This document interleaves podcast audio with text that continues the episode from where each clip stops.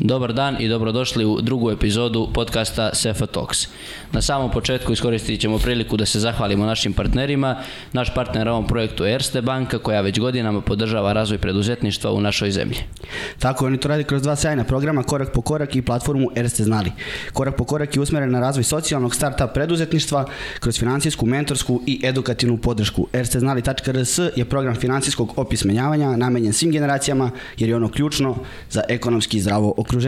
Preporučujemo vam da podsjetite njihov sajt jer ćete saznati zanimljive činjenice koje vam mogu biti od koristi ukoliko razmišljate da razvijete neku vašu fantastičnu ideju ili da pročitate kako da uštedite novac za neke velike stvari. Tako je, takođe dugujemo veliku zahvalnost Infinity Lighthouse-u, Srđanu Ercegu, našem vanji koji je vama u režiji i naravno zahvalnost Emi, Aleksi i celom, celoj ekipi e, Sefe naše koja nam je obezbedila ove šolje i koja se trudi da svaka sledeća epizoda bude na sve većem nivou. Tako je, vrijeme je da i predstavimo našeg prvog gosta, našeg gosta u ovoj emisiji, gost je Mitar Pešić. Mitre, dobar dan. Dobar dan, bolje ostaneš. Da. Uh, počet ćemo sorry, da, da kažemo malo nešto o vama. Vi ste rođeni ste u Zadru 81. godine, to i nije tako bitno. Da kažemo, judista, član takmičarske ekipe Olimpije omladinskog judo kluba, uh, osnivač Vegas Fita, osnivač i vlasnik Dog Functional Health and Fitnessa, CrossFit takmičar, svašta još nešto, absolvent na DIF-u i absolvent fakulteta za poslovnu ekonomiju i preduzetništvo. Uh, Pre svega nam, u našem podcastu je primarna ta preduzetnička strana, ali pričat ćemo o tome kako ste spojili sport sa tom, sa tom drugom stranom. Za početak ćemo krenuti od, ono, od početka kako je, kako je sve teklo i kada taj prva ljubav prema sportu, da kažemo, znamo se završili uh, muzičku gimnaziju u Kraljevu. Kako se ta ideja razvijala, kako ste krenuli ka sportu i da li ste slutili da ćete doći do ovoga danas? Je prvo da kažem da se zahvalim na pozivu. Zajednički prijatelj Aleksa nas je povezao.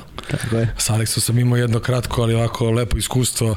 On je dolazio, gledao malo kako mi to razvijamo mm. i ovaj, sad mi je jasno i zašto i trenirao je malo sa mnom i stvarno ostali smo u kontaktu i eto prilike da ja odgovorim nešto ako mogu da pomognem i da budem zanimljiv vama i vašim slušalcima. Uh, ako gledamo kako sport, uh, mislim ja nisam dalmatinac sa poreklom od roditelja i majke, nego sam da kažem srbin i srpsko-crnogorske krvi, ali ovaj ali svi smo sportisti bili u familiji i tako nekako iako je bila srednja muzička u pitanju, sam odlučio da upišem DIF tada u Beogradu i dolazim u Beograd 99. 2000. 2000. prve upisujem fakultet.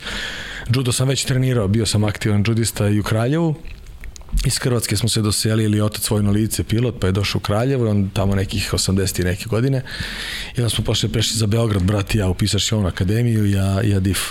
Na DIF-u sam trenirao judo, bavio sam se sportom, ovaj, tu i tamo pomalo i muzikom, pošto volim da sviram, tu i, za sad nemam toliko vremena, ali sam svirao saksofon i klavir, to je nešto što ljudi slabo znaju o meni, ali se tu razvilo taj neki mindset vezano za sport, vezano za muziku i nikad ne jenjava, to je, to sam rekao kad nađem vremena i prostora gde mogu da sviram, pa možda čak i da zasviram, mada sam na Knjazu 2000 i možda šeste, sedme godine svirao neki doček sa jednim bendom Euterpa koji je u Beogradu dosta poznat i lepo sviraju.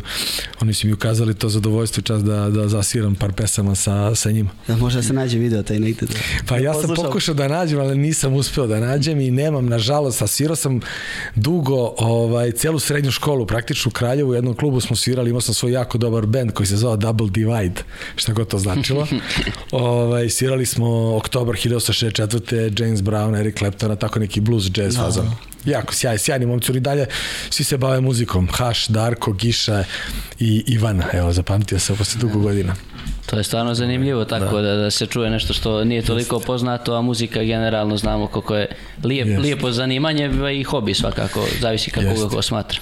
Pa ako, ako pogledamo preduzetništvo i ošte svi uspešni ljudi u tom nekom privatnom biznisu u stvari kreativni. Ja mislim da sam ja odatle crpio kreativnost, ne samo da donesem odluku čime želim da se bavim i šta želim da radim, nego prosto i sam način na koji se neki posao obavlja. E, kao student DIFA, naravno, ovaj, glavni fokus mi bio u tom nekom momentu da budem trener, da li da budem profesor fizičkog vaspitanja ili biti trener, to sad u tom momentu nisam odmah ni znao, ali tokom fakulteta i studiranja shvatite da, na, da znanje ne možete da ponesete ovaj, na fakultetu ako se dodatno ne edukujete, naročito za konkretno naš posao. Jer postanete mediokrite, zaposlite se u školi, radite taj ško, školski posao sa nekom malom platom i to je to. Mislim da je to jako ograničen, onako uzak. Ja sam poslednjih godina fakulteta shvatio da ne želim da budem profesor, nego želim nešto drugo da radim, ali ovaj, i dalje sam već paralelno sa fakultetom ovaj, bio trener. Ne. Dok sam bio trener, to upoznajem ovaj, vlasnike firmi gde počinjem sa radom 2006. na 2007. godinu, postavljam jedno odeljenje after sales, a moram priznati bez imalo iskustva vezano za preduzetništvo, uskačem u tu vodu zato što sam se mlado ženio, dobio sam decu i onda nije imalo uošte mogućnosti da birate, nego prosto morate da, da se snađete.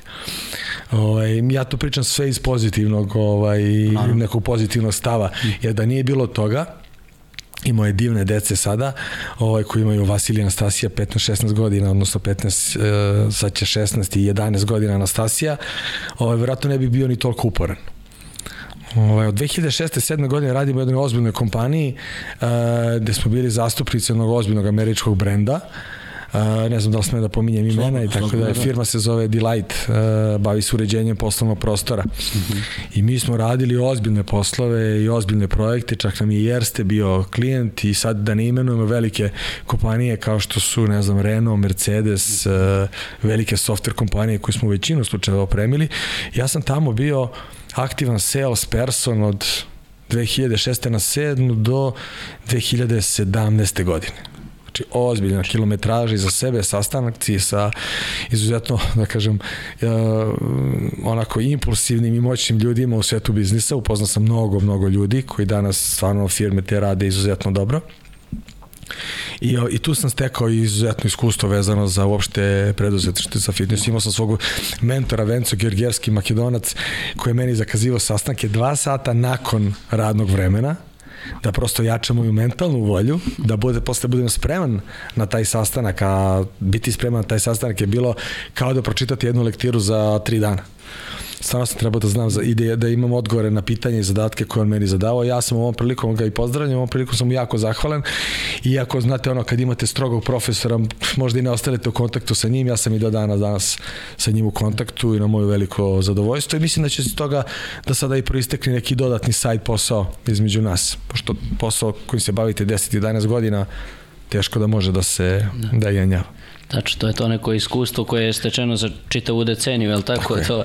ne, ne valja baciti tek tako. Tako je, tako je. Naučite mnogo što šta, kako funkcioniše biznis, kako funkcioniše uvoz, izvoz, transport, prodaja, sales, ono što je jako važno, jer danas vam je sve prodaja. Vi ste meni prodali da ja dođem ovde. Tako da, da li, da li je to neka simpatija u smislu ono što vi radite ili moja želja da vama podržim, ali ste jasno dali do znanja o čemu se radi, poslali ste Emiliju, s Emiliju sam se izdogovarao sve, ona je jako bila simpatična i mene je bilo zadovoljstvo i ovaj, da, da odgovorim na ovo i ajde da kažemo neki self-marketing, šta što da ne. dakle. Tako da, ovaj, tako, pitanje je bilo dakle u sportu, je li tako? Pa to kako se razvila ta ljubav prema da. sportu na početku, jer verovatno bez te ljubavi prema sportu ništa ovo sledeće se ne bi dešavalo. Jeste, pa ta ljubav nikad nije jenjavala, ja kažem, ja sam se celo života bavio prvo košarkom, onda posle judom, tu sam najviše ostao. I gde ste košarku trenirali? U Mašincu. Mašincu. Da. Ovaj, I to je baš trebalo, moj otac je igrao košarku kao pilot i kao pravnik prvo u Beogradu, pa je onda posle otišao na Vojnu akademiju, igrao je košarku sa čovjenim Kićanovićem, onda je bio pozvan u prvoj petorci borca iz Čačka, koji je tada je borac bio jako, da, da jako da, dobar. Svi moji familijarno ovaj, su sportisti. Mm -hmm. I taj, kažem, sport nikad nije njao, to je uvek trajalo kod mene i neka logična stvar je bila, znam, kad su roditelji bili jako srećni, kad su čuli da sam se odlučio za DIF i da sam upao, ne znam, sedmi sam na listi bio ovaj, na fakultetu. Posle sam se nešto povredio, pa je to malo studiranje i usporeno bilo, jako sam povredio nogu na treningu, pa je to puklo, pa će operacija, neće operacija, rekao sam mi da neću hodati, ja rekao, jel? To je ta onaj upornost, tvrdoglavost, da. blizanca, pa ovaj, sam se oporavio vrlo brzo, ali dobro. Ovaj, I onda, eto, kroz, kroz fakultet i studiranje i, ajde kažem, do toga absolventskog staža sa par ispita do kraja se zapošljamo u toj firmi 2007. godine. Do tada sam bio trener, 11 godina sam radio u toj kompaniji i onda sam stvarno poslednjih godinu dana a, otvorio, to je prvi biznis, ono što sam mm -hmm. rekao, mala, prije jednu malu kafeteriju u A bloku jeste upravo si ono što si rekao da prvi biznis vam uvek ostane, onako držite se njega dok ne iscrpite poslednji atom snage da vidite da li on stvarno može da bude uspešan ili ne, ili da, da li bar možete da preslikate nešto pozitivno iz tog biznisa, što ja mislim da uspevam sada u ovom poslednjem biznisu, što sada upravo pokrećem i ja se nadam da će to biti onako treća sreća. Tačno. Ovaj, e, 2007, 2017. godine kada odlučujem da otvorim kafeteriju, pokušali smo jednu godinu dana, E, definitivno sam shvatio da to nije posao za mene u smislu ugostiteljstva i samo ugostiteljstva. Jer to ja kažem svaka čast ljudima koji se time bave, to je jako teško. E, toliko ima zamki, toliko ima nekih stvari gde, gde vas put nanese da prosto ne možete da se osetite e, stabilnim na, tom, na toj vrsti poslovanja, naravno kod nas, pošto primećujem da je to u Evropi malo drugačije rešeno, da vam država ipak omogućava da, da zaradite, a ovde to i nije baš tako. Da. I onda sam na vreme da ne bi ti dugovi prerasli u nešto abnormalno što ne može na kraju da se isplati, odlučujem da to zatvorim, mada pravo da kažem, skoro sam zatvorio, pošto je to trajalo i trajalo, ja sam pokušavao da nekako iskoristim naziv te firme, jer ima nešto veze sa zelenom bojom, to mi je bilo jako zanimljivo, ali ovaj, na kraju sam zatvorio firmu i, i ovaj, uskoro, Bože zdravlje, otvaramo onu novu firmu koju ćemo tek na kraju da. pričati. Dobro, to je, mislim, iskustvo, ali opet tu je bilo puno ovaj, nepogoda i došla i korona i sve što je samo da. i dodatno otežalo svu tu priču, tako? Pa što se tiče tog posla konkretno ne, ali ovo je bilo davno, 2016. na 17. Mm -hmm. godinu, ali da, korona je jako uticala negativno na 2019. i 2020. kad sam ja odlučio da sa partnerom otvorim Teget Fit, to je uh, jedan od najvećih klubova u regionu, ne u Srbiji, pošto mi ja kažem u Beograd, možete nikad nisam ni gledao kao sad nešto da postavim neki standard. Mi smo odmah krenuli megalomanski, sam dugo godina bio posle juda od 2007. 8. upadam u svet crossfita i to mi postaje onako jaka obsesija o kojima poslednjih dana, ono što sam rekao, već na nekoliko podcasta bio i pričam o tome, jer nekako Uh, ima mnogo pozitivno vezano za crossfit, ljudi su stvorili neku famu oko toga da je to možda i negativno da utiče povred, povećava broj povreda i to što to apsolutno nije tačno i sad mi razbijamo te predrasude. Moji vežbačice, na primjer, nikad nisu povredili, ja se nikad nisam povredio. Da. Jedino što je moglo da se desi negativno jeste da nemate adekvatan oporavak, pa da dođete u zamor, jer vas neka potreba i želja da trenirate zato što je mnogo zanimljivo i lepo, ovaj, vas tera da trenirate svaki dan. I onda ako mhm. nemate pametnog trenera da vas to iskoordiniše, iskoriguje, da kaže ok, danas odmori, sutra ćemo lakše, nego vas tera non stop u crveno, onda ćete neminovno doći do povrede. E, ovaj, sad se ja borim protiv toga da radimo konstantne edukacije vezana za to što ću raditi kroz novi klub, da shvate ljudi da to nije opasno, nego stvari ljudski ego je opasan i treneri koji nisu edukovani su opasni. E, da. Tako da, ali... Do, dotakli da. smo se te teme oko crossfita. Da. Mislim da je bitno da približimo našim ovaj, gledalcima i slušalcima za početak šta da. je crossfit, šta je to što ga razlikuje od obične teretane, pošto dosta ljudi meša to kao da. crossfit, šta teretana, bench, ko si da. bench i to je to. Da. E, šta je to što, šta je crossfit u stvari, za početak? Pa crossfit je način vežbanja, da ga nazovemo tako. Uh, ovih dana se bore da stvarno bude prihvaćen sport u smislu da se organizuje evropska i svjetska prvenstva. Ne verujem da će ući olimpijske igre zato što je to mešavina raznih sportova, ali nikad se ne zna. U principu ono što ja primećujem sada da i olimpijske igre jedan od bitnih parametara je koliko finansijski taj sport da. i tako. Sam čuo gol, valjda treba da postane olimpijska igra kao... Da. Postoji to, mnogo što što što će ući da, olimpijske igre. Da, u narednih nekoliko godina, ali mislim to vam je jasno, vi ste u ekonomiji, u biznisu gde ima novca Da. Znači, to se popularizuje i to se forsira, to je jasno. Ja verujem, 2007. godine je bilo, ne znam, 2000 ljudi prijavljenih da se takmiče. Danas imate, ja ne znam koliko hiljada ljudi, gde sa fondom prvo mesto nosi četvrt miliona dolara. Da. Znači, da, pitanje da. velika, da. I mnogo pristalica ima. I ono što je na pitanje šta je CrossFit, CrossFit je jedna, ajde da kažem, sportska organizacija, manifestacija koja je uspela da za ovo ovoliko godina od koliko postoji, a prve naznake su 96. zvanično 2000 da naprave e, sistem treninga da povežu većinu sportova kojima su svima poznati, weightlifting, dizanje tegova, znači ne bodybuilding, nego weightlifting, olimpijsko dizanje tegova, zatim tu imate gimnastičarske elemente dosta, zatim imate vožnju bicikle, vožnju kajaka, plivanje, trčanje, e, raznih pliometrijskih vežbi, dinamičkih vežbi i tako dalje. Osnovna odlika jeste što vi imate jako intenzivne vežbe koje se i merilo je nažalost ono što čega se ja borim jeste da upravo treba da se borim treba da se izgradi taj finoća pokreta, taj functional movement da bude jako pravilno izveden, da ne bi došlo do povreda, a za sada se to ne uh, kritikuje dovoljno, odnosno ne koriguje se i nemate onaj moment da vam neko otkaže da ste uradili ponavljanje zato što je nepravilno, već se samo meri od početne tačke do krajnje. Kako ste došli do nje nije važno. Što znači, ako radite sklek, početna faza je bila sa otlanjenim rukama na podu, završena sa ispruženim laktima. Da ste vi uradili na ovaj način krivudajući telo je nebitno, bitno je samo dođete u završnu povredu. Ali takvim izvođenjem pokreta dolazi do povreda. Mm -hmm.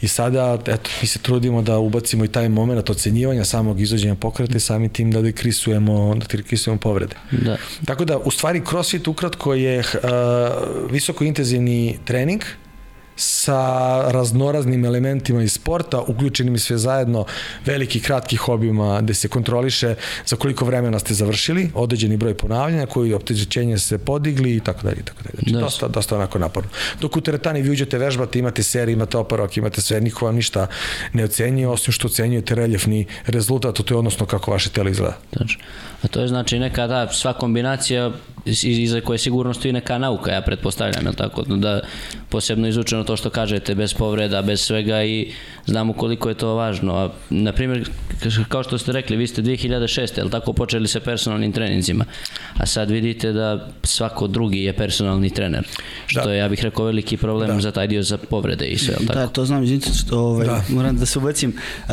dosta ima njih koji, koji idu teretanu, već ono konstantnije, malo 3-4 godine, on se ovaj, raskrupnjava, da da kažemo, i kao, eto, to mu, to mu je ono, ulazna da. karta da on bude trener, bez što ima neku školu i što on, on zna otprilike kako se izvode vežbe i to je to što smo pričali o skleku, na primjer, bitno je. Pa to je iz ugla preduzetništva, sada kada, kada e, pa pričamo to. o tome, ovaj, to je teška situacija i moram da kažem da se mi koji smo školovani za to borimo i super što ste pomenuli ovo bez ideje da pričamo o tome. E, moja devojka ja, Ana Marija Žuvić koja je vice šampion sveta i školovana za to, E, borimo se protiv toga. Eto, upravo da e, ja sam u prethodnom klubu i zaposlio ljude koji nisu školovani misleći da će, radi, da će raditi na tome da se edukuju. E, moja greška jeste što sam malo lakovarno mislio da ljudi mogu da budu kritikovani. Niko ne voli da bude kritikovan. U stvari voli da bude kritikovan neko ko ima takav temperament da može da isprati pozitivnu kritiku i da unapredi sebi da vidi taj put za par meseci ili godinu dana da bude stvarno bolji. Ali ovaj nažalost sve više ljudi koji imaju dobro što kažu nagruvan ili napucan Instagram Aha, uh -huh koji su uzimali preparate raznorazne da bi izgledali kako izgledaju i ovaj, društvene mreže su doprinile tome da stvarno svako može danas da okači svašta, da plati fotografa i da izgleda stvarno fantastično i da se zamene teze misleći da je dobar trener onaj koji izgleda dobro. A suštinski ja sada kad da ne imenujem ljude koji se bave trenerskim poslom ne izgledaju nikako, a su izuzetni stručnjaci i naprave od vas šta god hoćete. Sad, isto tako, ne morate vi da izgledate fit da bi bili fit. To je osnovno pravilo i to je ono što svi mladi treba da znaju. Znači, neko ko izgleda fit uopšte ne mora da bude fit. Znači, a neko ko ne izgleda fit može da bude fit. Tako da neko ko ima 17-18% masti u odnosu na nekog ko ima 8, što 17 i 18% masti uopšte nije mnogo, a može da bude fit, može da trči jako dugo, može da bude sposoban, da ima full range of motion, da bude elastičan, gibak, brz, snažan i tako dalje i tako dalje. Sad kad uporedite, na primjer, nekog ko se bavi bodybuildingom, rekreativca, ko jako vodi računa šta, šta jede, šta konzumira, trenira, jako koncizno i uzima neke nedozvoljene preparate, onda uzima, vidite nekog, evo ja sam jutros prisustvovao vaterpolisti Crvene zvezde koji ulazi, ja sam mislio da su neka deca ušla, a kad pogledate šta oni rade, oni su profesionalni sportisti. I možete kažete da su oni fit. Tako? A ovde s druge strane imate čovjeka koji jedva može da potrči, ali izgleda fantastično za svaki kadar snimanja, slike, da. rekli biste, i kome biste vi sad koji ste like poda, podarili svoje vreme da vas trenira, ono što izgleda dobro ili ovo što izgleda malo zamašćeno. Otišli bi kod ovog znači. drugog gde je marketing dobar. E, ovaj, u prethodnom podcastu sam e, kolege sa fakulteta mog fakulteta mm -hmm. su napravili, upravo sam pričao o tome da na osnovu čega vi i kog parametra vi odlučite ko će da vam bude trener na osnovu intervjua, na osnovu iskustva, na osnovu slike, na osnovu preporuke ili na osnovu cene. Mm. Ko vam da cenu i sad kao, o, on je jeftin, kao idem super da radim tamo sa njim.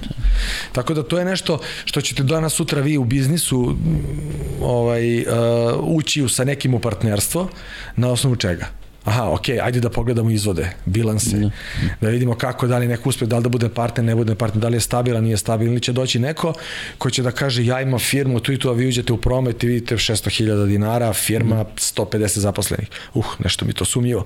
Tako? E tako isto i kod nas, u mom poslu. Znači, proverite lepo, može da se proveri danas sve, ko je šta pričao, ko je šta kačio, da li ga ima, da li ga nema, ukucate moj ime prezime na YouTube, pa izađe unazad do, do nekoliko godina nekog iskustava koje Slika iz Men's Healtha, to je Slika iz da, da, to je splet okolnosti, ali ovaj, uh, eto u tom momentu sam se jako bavio intenzivno crossfitom, bio sam upravo u toj firmi, bio sam menadžer, s dvoje dece, radio sam jedno, drugo, treće, imao sam svoju kafeteriju, pokretao biznis, to je i kako je urednik tada Stefan rekao, pa ti si čak idealan za, za nastavu stranu, ja se rašam, ja sam rekao, pa dobro, ajde da napravimo tu priču. Tako da ima jedna lako, 2019. godina, mislim da je jun, može čak i ovaj, tako da je... Biće u opisu videa, da. Pogledaju se. Pa da. Eto, da. ništa, da se vratimo da na temu malo da. za ovaj, rekli smo CrossFit, vi ste se, da kažemo, onaj, zaljubili u CrossFit, to je nešto što vas Jeste. vodi ceo život i kako ste došli na ideju da osnujete Take It Fit? Šta je misija i vizija tog ovaj, da. osnivanja celog i šta je bio cilj? Bio sam, ovaj, bio sam, kad takmičio sam se tih dve, tri godine, dve godine skoro svaki mesec negde u inostranstvu ovde. Znači, prošao sam sve takmičenje u Srbiji. Hrvatska, e, Crna Gora i onda sam bio čak i Kuvajt, Francuska, ne znam gde sve nisam bio. I obišao, obišao sam dosta klubova i onda sam uvidio jednu situaciju da kod nas to toliko nije razvijeno u smislu ne samo komune, nego same ponude ovaj, za vežbače. To je bilo je, po meni dosta, dosta šturo i, ovaj, i shvatio sam da to može iz ugla biznisa da bude jako dobar posao. Radio sam u jednom klubu, jedno 6, 7, 8 meseci, da malo sagledam situaciju, da vidim kako to funkcioniše i stvarno nije funkcionisalo. Mm -hmm. Ljudi su dolazili, trenirali su, smatrio sam da je uh, potražnja velika, ali da je ponuda jako mala. Ne. I ovo što je logično iz ugla biznisa da prosto šta što bi se neko trudio dokupio opremu, farbo zid, uveo slačionici još jedan tuš, ako niko ni ne zna da to treba da bude bolje. E onda sam sa mojim dugogodišnjim prijateljem odlučio da otvorimo ovaj zajedno biznis. Mi smo uspeli u tome, napravili smo klub na izuzetno velikoj kvadraturi, izuzetno atraktivnoj lokaciji, uh, kompletno koncept onako je ispisan od A do Š, od nazivanja grupa, angažovanje trenera, kad će se raditi, koliko će se raditi, kasnije dobijamo sponzorstava od ovaj, e, da kažemo velikoj kuća koji se bave sportskim opremom ovde kod nas, onda kreće osmišljavanje takmičenja jednog, drugog, trećeg i onda kreće korona. Tako da smo mi vrlo brzo, posle svega par meseci, otvorili smo se u septembru, oktobru, korona krenula januar, februar, mm. dočekala nas je korona onako izuzetno lepo, gde smo svi onako nekako poklekli. Ja se sjećam kao juče da je bilo kad dva dana smo imali sastanak, ja sam rekao pa šta? Zemlja se dalje okreće. Ljudi će dalje trenirati. Možda neće kod nas, a dajte da im, da im pokažemo da smo mi tu, da nas ne zaborave onog momenta da prva stvar bude kad se otvore što kažu, ovaj, ja sam nekako verao da to kod nas, taj lockdown neće trajati dugo, iako smo slušali svugde da je to bilo katastrofa. I rekao sam, ajde da napravimo takav imidž da svi koji, kad se otvori, da se postaje pitanje gde sad vežbati, svi se znaju nas. I ovaj, sa tadašnjim trenerom smo, nas dvojica smo krenuli da se snijemo skoro svaki drugi, treći dan. Uh, nazvao sam ga Workout from Home sa skraćenicama i, ovaj, i opisivali smo vežbe, izvodili smo vežbe i davali smo ljudima svaki dan gratis da mogu da koriste ovaj, te vežbe i te programe i dali smo im mogućnost da bi bili rentabilni u smislu da bi nam tada zakopodavac uh, nije smanjio kiriju, niti nam je zostavio, samo nam je odložio, ja ovom prilikom sam zahvalan, nisu ni to morali da urade, ali u pitanju bila velika kirija, nisu to odložili. I moja ideja bila da se rentira oprema za xx eura, uh, da se trenerima da neki profit, neka, neka zarada od svega toga i da možemo da isplatimo kirije i to smo i uradili i to je se pokazalo kao jako dobar biznis u smislu koliko je trajala korona, mesec i po dva na lockdown. Da, onaj. Tako da, nešto je trajalo. Ja mislim sigurno dva, tako neki Mart da, doma je da, bilo. Da, tako. tako nešto je bilo. Da. I mi smo snimali treninge, davali to gratis, ljudi su plaćali, sad ne mogu da se tačno iznose za opremu i to su orientirali, nosili kući, mogli su da trenirati, imali su program i svi su nekako bili vezano i ostali vezani sa nama. Mm. Ono momenta kad se otvore, mi smo postali full. Znači radili smo bez ikako problema, a, nikad nismo bili u nekom minusu, biznis je rastao fantastično i onda se to sve upgradeovalo, sve rastao, iz dana u dan, iz meseca u mesec sve rastlo, onda je to u momentu došla Janija Marija Žuvić, mi smo osmislili jedan program, sećam se na njenom rođendanu, bili smo na odmoru sedam dana i osmislili smo dva neka nova programa koje smo nazvali Ladies i Change for Life, a, to je grupa a, gde se vodi jasno računa o ishrani, vodi se jasno računa o treninzima i to se plasiralo klijentima i odlične rezultate smo napravili. I to je krenulo onako vrtoglavo da je ceo region pričao o tome, o klubu, meni su ljudi iz inostranstva slali slike, hteli su da dođu, hteli smo da napravimo neke kampove i to je izuzetno se pokazalo kao Unosan posao. kao unosan posao, da. I postavili smo neke standarde, to mogu da kažem slobodno. Ovaj, posle tog momenta su većina klubova krenuli da investiraju, pa ako ništa drugo, bar da okreće zid u svoj prostoru. Svaka čast, mislim, moja ideja jeste bila da ljudima izazovem i da ih podstaknem da prosto promene nešto da bi ta ponuda bila veća. Jer kad pogledate, vi u Beogradu imate skoro 3 miliona stanovnika. Ako uzmemo mali procenat koliko ljudi vežba, ja mislim da ima negde registrovanih 200 i nešto hiljada vežbača, možda čak i više. Samo?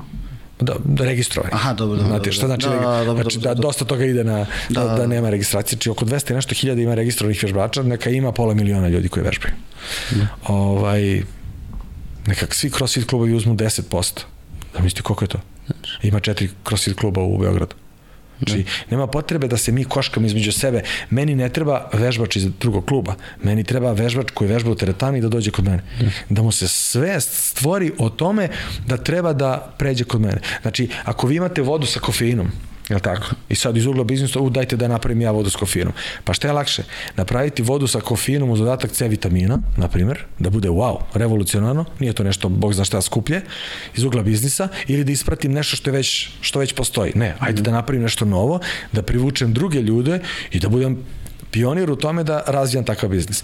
E, to je moja ideja bila, Nažalost, nisam našao na pozitivan odgovor drugih klubova, možda će u perspektivi nešto se desi, a to je upravo da se radi edukacija vezano za functional movement, odnosno za treninge tipa funkcionalni treninzi ili ti crossfit kako je sad popularnije i da se diže ta svest o ljudi, ono što smo pričali malo pre kad si ti rekao bio sam u teretani, a ja na primjer kažem, a zamisli sad ovaj program gde ćeš umesto 2 sata u teretani da istreniraš 45 minuta crossfit i da imaš mnogo bolji endurance, mnogo bolji fizik i da se osjećaš mnogo bolje spretnije, okretnije, tako da to je suština crossfita, da se oponašaju pokreti tela svakodnevnici i da na tim pokretima jačaš. Sad, Bože za jedan dan kad postaneš tata, kad se saviješ u stvari u mrtvo dizanje da podigneš dete, a ti dobiješ blizance, pa ti obojci i ženu isto zagrliš i ustaneš zajedno sa njom i osjećaš se e, jako. E, mislim, navodim malo o Da, da. analizovanje, ali to je suština crossfita, da ti stvarno budeš funkcionalan u onim svakodnevnim stvarima, tri kese, četiri kese, poneseš komšinici, Da, da, da, kesu, sve što- tako, pa da. Tako da, Da, zapravo, mnogo je širi spektar mogućnosti treniranja crossfita nego obične teretane. Jeste, trčiš, voziš biciklu, plivaš, snažan si, jak si, e, agilan si, spretan si, znači fleksibilan si, što je jako bitno. Ovo, to sprečava povrede, tako da crossfit je jedno, jedno, jedno ko... I pitao si me malo, nisam ti odgovorio za nauku. A, da, da, jeste.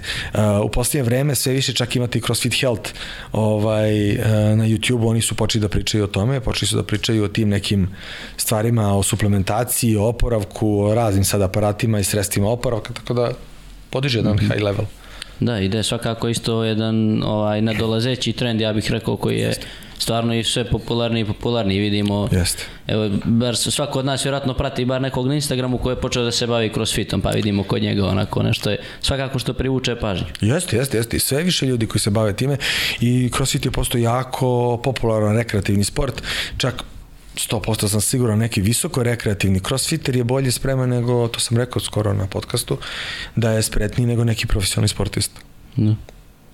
Zato kažu uh, fittest man in the world. Mm -hmm. Tako Da, im je da, da. naziv ko pobedi na tom svetskom takmičenju u Americi u crossfitu. Da, a koliko biste rekli da je važno ovo što ste, da se vratimo na poslovnu stranu, što ste rekli kad ste započinjali priču, da ste odmah išli onako, niste bili za, za zadovoljni time da budete najbolji u Beogradu, nego ste išli da zauzmete makar ovu našu, e, na- makar tu scenu regiona. Je li to ono što kažu kao shoot for the moon and if you miss you will end up between the stars? to je, da, pa moja, e, moj mentalitet je pobednički. I ja stajem, ja nikad nisam stao. A ako bih stao, ja ne znam šta treba se desiti, tako da nemam iskustva. I ako hoću nešto da radim, pre svega se zapitam dobro i kad, kad me vidite da nešto radim, onda znajte da sam donao odluku. I to je to. I idem skroz do kraja. Do kraja, da. Ovaj, ja mislim da je to, ovaj, što kažu, podržano strane Boga, energije, ko kako šta voli da, da danas su to vrlo aktuelne teme. Mm. Ovaj, e, ja mislim da to ne može da izađe na dobro ako vi prvo donesete odluku čime želite da se bavite, onda razradite plan, kako da dođete do toga i da idete svim srce bez rezerve. Upravo sam to radio ovaj, sa prethodnim klubom i uspeo sam to što sam uspeo. Zašto nisam u tom klubu? To je jedna onako uh, malo tužnija priča, pa ne bih sada da se vraćam na to i ne bih tu bi da završim priču sa prethodnim klubom. A ovaj, upravo zašto radim sad ovaj novi klub i radim ga možda sa 200%, nisam ni znao da imam toliko energije, ovaj, mislim da će da bude jako dobro. I meni je Ana Marija, koja je moja, da kažem, saputnica i sapatnica na cijelom ovom projektu rekla je ti posle takvog kluba i to što si uradio za taj klub sve da sada budeš trener u nekom drugom klubu ne ide. I da se razumemo možda s finansijske strane je dobro da budete trener u nekom drugom klubu da imate svoje klijente i da budete firma u firmi ali iz ugla ostvarenja i sad pričamo o zašto ste mi zvali preduzetništvo da vi pokrenete nešto, da imate ljude, da se borite za te ljude koji rade kod vas. Namerno kažem kod vas, ne za vas, svi radimo za sebe, ali da rade sa mnom. Meni je to nešto što mi ono greje Da, ovaj, uveče kad legem da spavam i kad kažem jo čeče kako je odradio zadovoljno s poslom ili kako je on odradio zadovoljno poslom ili vidi čeče on će da se oženi ili da se ona uda i da ovde provede da napravimo u klubu u firmi to je, to je nešto što mene inspiriše da kad vidim da još neka usta se hrane od onog biznisa što sam ja pokrenuo i meni je to onako satisfakcija. Mm. Tako da i u ovom poslu idem možda jače nego u prethodnom onako svim srcem, zato i ta lokacija. Apsolutno, to je. Pričali. Sad možemo, ja bih rekao i da otvorimo tu, je tako, temu, no, da. novo poglavlje, ovaj, neko neku ovaj, onako ozbiljnu temu, ozbiljnu priču, to je Doc Functional Health and Fitness, je jest, tako? Jeste, Evo, delimo iste boje, meni ste oduševili, ja nisam primetio kad mi je Emilija ovaj, pokazala Instagram stranicu i kad smo otvorili temu. Ovaj, ja volim da, često gde god da sam, ja volim da pominjem ljude iza kamera, koji isto rade svoj posao, vi ste lepo pomenuli i onda ja često ovaj, pa i pozdravljam ovom priliku. Oni uprašini, da. da, da. A dobro, imate ljude, stvarno, znači, eh, eh, ono što je jako bitno u biznisu, znači, mora tačno da se zna ko šta radi. Ima neko ko se samo smeje, I taj je fantastičan i ima benefit od svega toga. Ima neko ko se šali, ima neko ko radi, ima neko ko nosi naoče, ne vidite ga, a svako dan je, svaki dan je tu. Znači, to je nešto što sam ja shvatio i zato uh, nikad nećete čuti ja, ja, ja, ja, ja sam uspeo, ja sam što, ja izađem, padne saksija na glavu i čao i onda nema firme. Znači, nije tačno. Uh, svaki posao koji započnem i s kojim bi se bavio, nastojim da ga uradim tako i da ga tako organizujem da mogu da odem negde negde na mesec dana, dva meseca, tri meseca, da se ne javim nikome, da ljudi misle da li sam živ, nisam živ i tako dalje, a da biznis funkcioniše. Ako biznis ne funkcioniše zato što neko nema vaš broj telefona, onda taj biznis ne može ni da postoji, po meni. I tako sam i gledao na, na sve ostalo. Druga jako bitna stvar jeste da tačno znate s kim radite Zato što je ljudska čud jako čudna, prevrtljiva. I ovaj, e sada imate onaj moment uh, obezbediti se papirologijom, dokumentacijom, uh, uzeti uh, savete advokata. Ja mislim da je to dobro. Zato što uh, svako, u svaki posao koji uđete treba da uđete čista srca, ali sa jasnom vizijom i da up, ipak napravite, to je moj savet za vašu publiku, da se napravi obezbeđenje šta ako se desi nešto što prosto ne možete ni da predvidite. Jer svi vaši mladi koji bi započeli, pokrenuli biznis, započeli biznis, sigurno ne razmišljaju baš o tome. A svakake stvari se dešavaju i mislim da je papir trpi sve i do onog momenta kada neko pošandrca, onda okrenete taj papir i kažete evo vidite šta piše ovdje onda ga smirite. Ne mora da znači da bi bilo ništa loše, niti da je on loša persona, možda ima žutu minutu, možda nešto može da se desi, ali papir trpi sve i onda na osnovu tog papira može da se sačuvaju raznorazni biznisi. I moram priznati, ja se ne slažem sa ljudima koji kažu partnerstva su nezgodna, uh, imamo sada jedan jako dobar brend koji se bavi slatkim stvarima koje konzumiramo svaki dan, ovaj, da ih ima nekoliko i koji je jako uspešan. Biznis, mm -hmm. gde smo imali čovjeka koji im finansira i nekoliko drugara koji su imali ideju i to je biznis samo se širi i samo funkcioniše sjajno, zato što papir trpi sve. Mm -hmm. E, tako da to je moj veliki savjet. Prvo da se zna da ljudi žele da ispitaju da li to žele time da se bave, način, znači biznis plan, uh, konkretno za, za, za Doc Functional Health and Fitness, Ana Marija je napravila jedan biznis plan, pošto ona je školovana za te stvari, pored toga što je sportista, ovaj, ja sam ga malo doradio sa nekim inputima da bi ona to mogla da, da isprati i kako to stvo, kako stoji i kako to sve ovaj, mogu vam pokazati, nemam sad kod sebe, ali sledeći put, kako smo mi napravili, ili da se čujemo kroz dve godine kad biznis naraste da, i vi kad narastete, pa da ponovo, da ponovo gostujemo. Ovaj, tako da, uh, dokumentovati, staviti na papir. Uh, ono što sam rekao, jako važna stvar jeste da odlučite s kim ulazite u biznis i iz kog razloga i jasno da se podele uloge i mislim da tu nema bojasti. Da. Da. E, teo sam vas pitan, pošto ste rekli, prije spomenuli ste kolektive ljude s kojima radite, e, da je da su jako bitni odnosi s kojim ljudima radite i da, ovo što ste rekli, vi da možete da odete na dva meseca da ovaj, nestane posao, e, nekako bih rekao da to pro, proisteklo iz tog sporta i tog timskog duha koji se razvija, ok, čudo individualni sport, ali trenirali ste košarku i u sportu da. ste ceo život.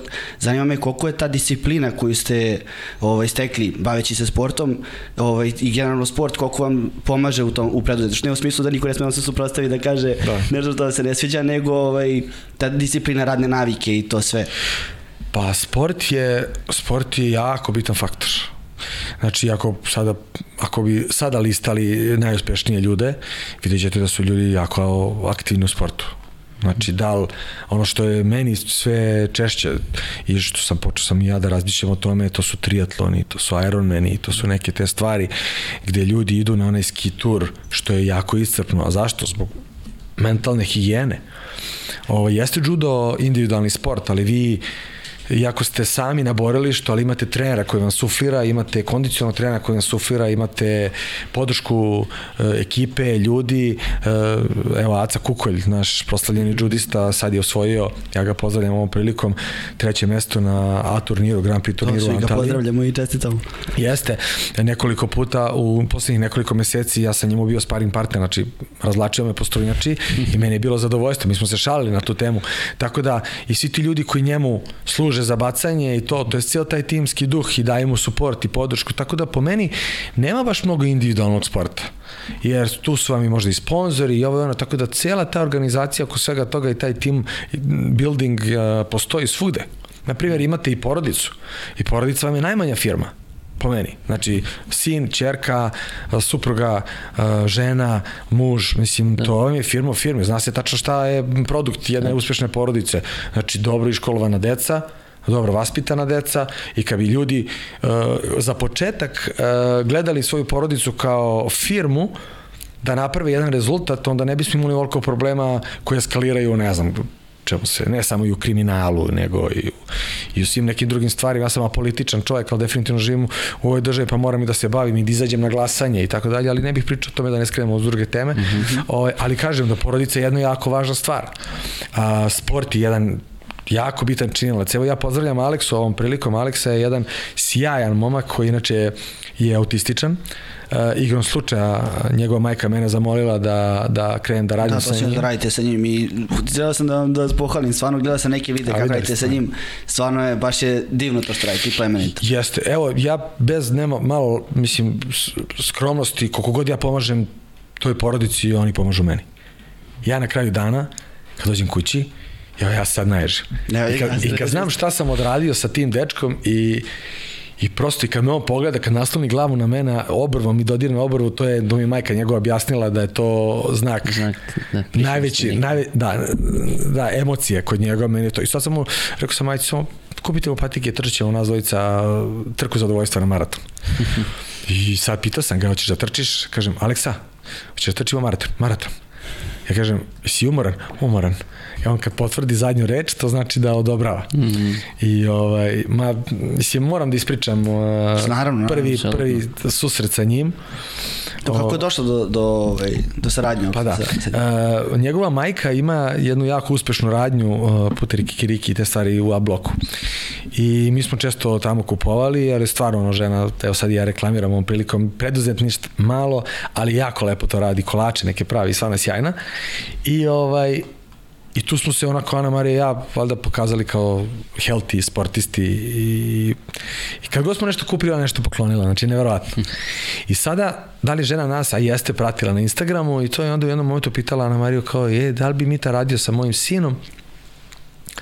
I kaže, pa zašto da ne, samo ne znam čime se bavi, mi nismo znali u tom momentu. Mm -hmm.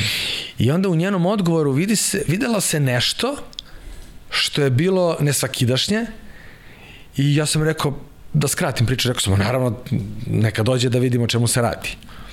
Da li je žena izgovorila Ana Marija da je autističan ili nije ili nešto drugo, ja se stvarno ne mogu da se sjeti sad pa ne bi da grešim. Žena je došla i sad ušli su sa maskama, ona je žela, ušla sa, on je ušao i drži masku. Sad, ja, ja ga ne vidim u oči, ali, znaš, mm -hmm. I počeli smo da pričamo i sad me žena pitala i kad ja, kad sam vidio šta je on radio sa telefonom, a on je skicirao mape I vi ne možete da verujete kojom brzinom on na Google Maps nešto radi, pokazuje i pronađe nešto, uradi screenshot prislovni, znači ja sam fasciniran bio, vidi se da je to da. jedan onaj ge, genijski mo, mozak. I ovaj, kad me žena pitala da li bih radio sa njim i sve to, ja sam samo pomislio koliko je ta žena puta čula ne u svom životu. Tačno. I rekao sam, Aleksa, skini masku. I on kako je skinuo masku, sad ću ja, to publika neće vidjeti, a kako je on ovako, Ja sam vidio facu. Znači u momentu ne vidim, vidim samo oči koje su nekako čudne, zabunjene, umorne. Ovaj, on kad je skinuo masku, ja sam rekao, dođi sutra na trening. Ne, ne da se nisam pokajao, nego sam prosto oduševljen ovaj, sa tim i evo mi svakog ponedjeljka i srede Uh, radimo od 5 sati i majka dođe s njim i krišom, pokači na Twitter, okači, postali smo atrakcije na društvenim mrežama, tako da ide to jako lepo. To je, mislim, onako lepa strana našeg posla, jedna od lepih strani našeg posla, upoznajete non stop nove ljude i ne znate gde u kom smeru će da vas, ovaj, da vas odvede. Da, zaista jedna divna onako divna ljudska topla jest, priča što jest, Jeste, sjajno. Pa ja mislim da nam toga treba sve više. Absolutno. I mene raduje što društvene mreže se koriste vezano, evo sad izvlačim paralelu za kućne ljubimci, za pse, lutalici, to toga ima dosta sad primetili ste. Ja imam, djeci sam uzao Stafforda, ovaj, Blue se zove i on je izuzetno jak i dobar pas, znači to je neverovatno, a onda sam ovaj, sebi Ana Marija uzao francuskog buldoga novu, mislim to je, to je haos i skoro smo bili nešto da vakcinišemo novu i to i onda smo videli jednog malog buldoga koji ima povređenu slomljenu šapicu, baš je mali, ja sam rekao, jel neko dolazi po njega, kao pa kasne ljudi već 7 dana, ja rekao 8 dana, ako ne dođe dolazim ja da ga uzmem. I stvarno bi ga uzao. Pozvao sam telefonom, došli su po njega i odnali su. Što mi je jako drago, ali da ga nisu uzeli, ja bih ga uzao. Ali to je ta svest, ne znam da ste svesni da kako društvene mreže utiču sve na nas. Kod mene se javila želja da ja udomim nekog psa, zato što vidim stvari preživljavam šta ti psi preživljavaju i onda mi je žao prosto ako mogu da doprinesem uzao bih ja još jednog psa. Ali dobro polako, vidjet ću. Da, to neki kažu onako, kao ne treba se hvaliti tim kao na društvenim mrežama, ako si ti usvojio psa super, ali nemoj to da se sad zbog toga hvališ. Ja mislim potpuno suprotno, zapravo da se nama svima tako budi neka svijest zbog toga što mi vidimo, možda ne direktno, ali ostaje nam da. negde i kasnije nam se vrati. Slažem se. Da, to što si rekao za društvene mreže, mislim da ljudi prepoznaju kad je nešto iskreno, a kad je nešto isfolirano. Da se tačno vidi da okay. neko nešto radi kao humanitarno, da bi on rekao, je, vidite, ja sam human, da. a kad neko radi to stvarno jer želi, ovaj, ima najbolju nameru. Upravo se slažem, to sam teo da kažem i apsolutno si ovaj, pogodio, znači 100% nam isto mišljenje, tako da jeste, ne, ne možete da, mislim, jako je teško danas sakriti nešto. E, prije ili kasnije, zato što je sve dostupno sve se vidi, sve se zna, znači ne možete da fejkujete, možete jedan vremenski period, ali, ali sve ispliva. No, sve ispliva pre ili kasnije. Ma da, ja, da. ja vidim i po ovima trenerima fitness, da se da. vratimo i na to, vidim malo, malo, pa izađe TikTok ili neki Instagram jeste, ili Twitter jeste. post, kao jeste. otkriju ga, onako... Jeste, jeste, ima, ima sva, Znate čemu pričam. koristio to, to, to. Da. da, da. A dobro, to nema veze, to sad koristio to, to, to ima sva, svačega, nemate vrhunski sport bez korišćenja suplemenata koji nisu dozvoljeni, odmah da se razumemo. Da, to ono što ljudi imaju Ali... te kao neke, ono neke lažne mišljenja, ja koliko sam shvatio mišić ima stepen, na primjer, dok, dok raste, koliko da. on genetski i te ne može više da raste bez nekih dodatnih Pa reći da se da drastično ubrzava napredak uh, uzimanjem nedozvoljenih sredstava. Drastično se ubrzava napredak i onda vi kad vidite nekoga koji je onako prosječan i onda posle šest meseci godinu dana vidite da izgleda kao onda se postaje pitanje sad ima genetike koja je jako dobra ali mi koji smo studirali fiziologiju, anatomiju da. biomehaniku i te neke ovaj, ozbiljne predmete onda shvatite da ne može baš to tako da se proda priča profesionalcima drugima može sad nekim ljudima koji žele da vežbaju i da plate personalno trena, to može. Ali dobro, bože moj, mislim, uh, svako preuzima odgovornost za sebe, tako da, opet kažem, intervju, sastanak, malo istraživanje kao i vi, kao, mislim, u ekonomskom fakultetu, odnosno na ekonomskom šta se uči, imate taj moment preduzetištva kad kaže, aha, čekaj, čime želim da se bavim, koji su mi alati. Tako da to treba da bude i ovde. Da, mislim ako bi gledali samo preduzetništvo, a ne gledamo neku ljudsku etiku i slično, onda ti treneri zapravo su odradili samo dobar marketing. Pa da, da, da. A imate ono uh, uh, engage, ne, attract i engage. Znači, to je taj moment koje vrlo, vi možete da atraktujete ljude, a da ćete ih aktivirati da vam budu to. Pa to je prosto, evo imamo Instagram, je tako? Mi se trudimo svi da privučemo svoju pažnju, da li hashtagom, da li sadržajem, je tako? Da. Pa i sam algoritam Instagrama vas baca u srč što više ako imate zanimljiv kontent. A, to je ista stvar i što mi radimo na Instagramu, da privučemo ljude, e onda ih treba zadržati. Da. Ja isto tako zapratim nekoga, posle 3, 5, 6, 7, 10 dana ga otpratim zato što sam shvatao šuplja priča. Da ne, ne, nema edukacije. Ono što je jako važno uh, i po meni osnova kad neko hoće da ostavi, da, mislim, opet kažem, kao i sve ostalo u životu. Hoćete da otvorite firmu, hoćete da budete zaposleni u firmi, hoćete da se bavite, ne znam, nekim drugim stvarima, treba da znate šta. Da li ste edukator, motivator, inspirator uh, ili nešto drugo. Mislim, to je, uh, ako, ako sad hoćete da budete edukator, onda vaše, vaš profil na Instagramu, ako pričamo u Instagramu ili Facebooku, ne treba da budu slike polugolišave, onda niste, onda ste zanimator ako se već tako kaže. Ako ste edukator, onda mora da ima neki sadržaj da vi kroz svaki vaš story ili svaki drugi story ili post imate nešto edukativnog karaktera što će ljudima da privuče pažnju i da ostane na tom. Tako da ako vi zbunjujete ljude šta ste, kako ste, da ste bojem, da ste edukator, da ste motivator, da ste onda, jo, brate, previše mi onda ga gasite. Tako da, To je, kako, kako vi pristupate klijentima svojim i kako držate te dobre odnose e, sa njima? Osluškuješ šta im treba, daš im mogućnost da ti kažu, na intervju uh, da postave i um, onako izvučete iz njih uh, šta u stvari njima treba, ali da oni sami postave sebi cilj. Znači date im dovoljno argumenta da oni kažu aha pa da u stvari ja ne želim to, želim ovo, da, da se prispitam, javit ću se za koji dan, jasno kad se postavi cilj, e onda idete sa njim da, ga, da se taj cilj sprovede u delo i, ovaj, i u principu to je to. E sad, kako dolazimo do klijenta? Pa to je prvo da postanete jako vidljivi, da neko ko želi da se time bavi čime vi radite, da vi budete u prvih nekoliko kao izbor, sve ostalo je posle na vama da, da prodate priču. Da, da ima sistema preporuke, na primjer, da klijent preporuči pa, drugaru nekom pa dođe tu da. pa on. To je, to je po meni, uh, preporuka je mnogo bolje nego urgiranje. Uh, I, ovaj, I mi zasnivamo generalno naš posao upravo na tome. Ja redko kada imam da je neko mene kontaktirao baš preko Instagrama da ne poznajem, ima toga, ali ovaj, ko je po preporuci taj, redko kad je otišao, uvek je tu, evo godinama što sa mnom, što sa mnom rade i sad, Bože zaja, kad budemo imali bazu, a to će biti dok mm -hmm. functional health and fitness, ovaj, to će da bude onda baš prava stvar. Zato što tu planiramo mnogo što što se radimo i sa ljudima koji su nam jako dobri prijatelji, kao što je Srđan Zirović, mm -hmm. ja ga mhm. pozdravljam ovom prilikom, ovaj, koji će da drži svoja predavanja i mi želimo tamo da edukujemo ljude i da umrežimo sa nekim aplikacijama i da pričamo o suplementaciji, eh, što je moj dodatni biznis sa jednim eh, partnerom eh, što razvijamo sada region, dobili smo ekskluzivu. Da, vi ste vlasnik licence, ili tako? Da, da, vlasnik licence za Puri, ovaj, za Srbiju, Hrvatsku, Sloveniju, Makedoniju razvijamo i Crnogoru smo dobili. To je izuzetno ovaj, jaka i dobra i poznata suplementacija, možda i najčistija na celom svetu. Danci su u pitanju. Dve godine nam je trebalo da dobijemo uopšte dozvolu da to radimo. I evo sad završavamo registraciju na, na fakultetima što se tiče samih proizvoda i krećemo ozbiljno da na ovo tržište razvijamo. Tako da mi je to onako dodatni posao koji će paralelno sa dokom da se razvija da. i ja se nadam da će to stvarno da bude onako jedna dobra umržena stvar. Znači da imamo. Vežbanje i da imamo suplementaciju ovaj, uh, za ljude koji stvarno žele da podignu ono healthy no. Da. lifestyle. Da, ne, sami koncept dok functionala i rekao bih da je genijalno to spoj svega, da. vježbanja, suplementacije, edukacije, Jeste. onako sve što jednom čovjeku treba zapravo za zdrav, zdravo tijelo, a samim tim i zdrav duh. Jel tako? Jeste, pa jeste, jeste, baš tako, baš tako. Hajde da pričamo o tome onda. Da. Šta je dok?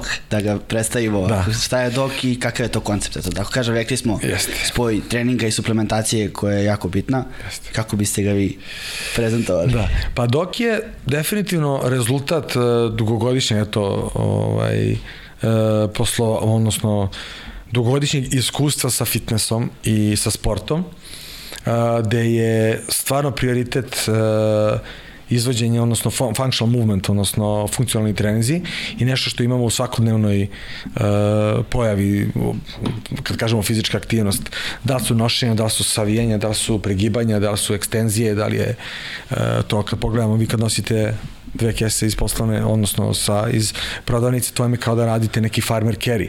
Kad se spuštate da uzmete dete, nešto podignete spoda, vi radite ništa drugo nego mrtvodizanje. Mrtvodizanje, Kada treba da sednete, vi radite čučanj. Kad treba da ustanete iz kreveta pa se okrenete, vi radite onaj movement što... Uh, ljudi treba da shvate jednu jako bitnu stvar, da neko ko je pravio pauzu i dugo nije vežba, mm -hmm. njegovo telo je osim što zna da hoda i da ima ravnotežu, ravno te, te novorođenčetu čak u lošoj situaciji.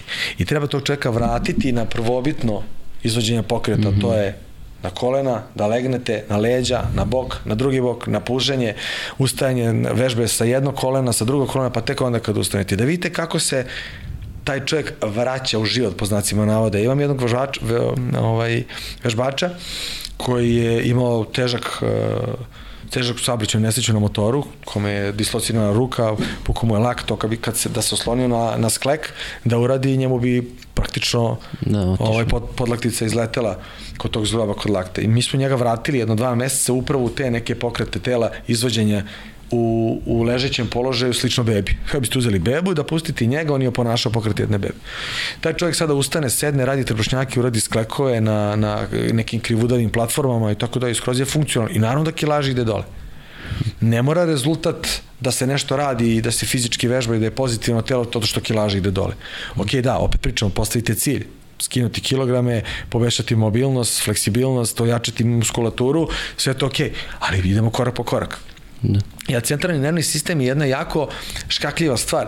Vi sad, na primjer, da ja sad vama kažem, ajde idemo sad da radimo zgibove a vaš mozak uopšte ne percipira zgib kao zgib, kao vežbu koju vi možete da izvedete, zato što, na primjer, ti imaš malo jače fleksora, odnosno anterior chain, taj prednji deo i zato su ti malo ramena povučena. Mm -hmm. Znači, tebi sad treba prevariti centralni nervni sistem da mi ojačamo ekstenzore, znači posterior chain da ojačamo, da ispravimo i onda kad dođeš u momentu da izlačiš zgib, možda će kažem, a ovo je prirodan pokret, idemo, radimo. Dok, na primjer, kod njega koji mu je ovako mu izgleda ovaj postura, sasvim normalno da će on normalno da radi i mnogo Da, bolje. to je taj...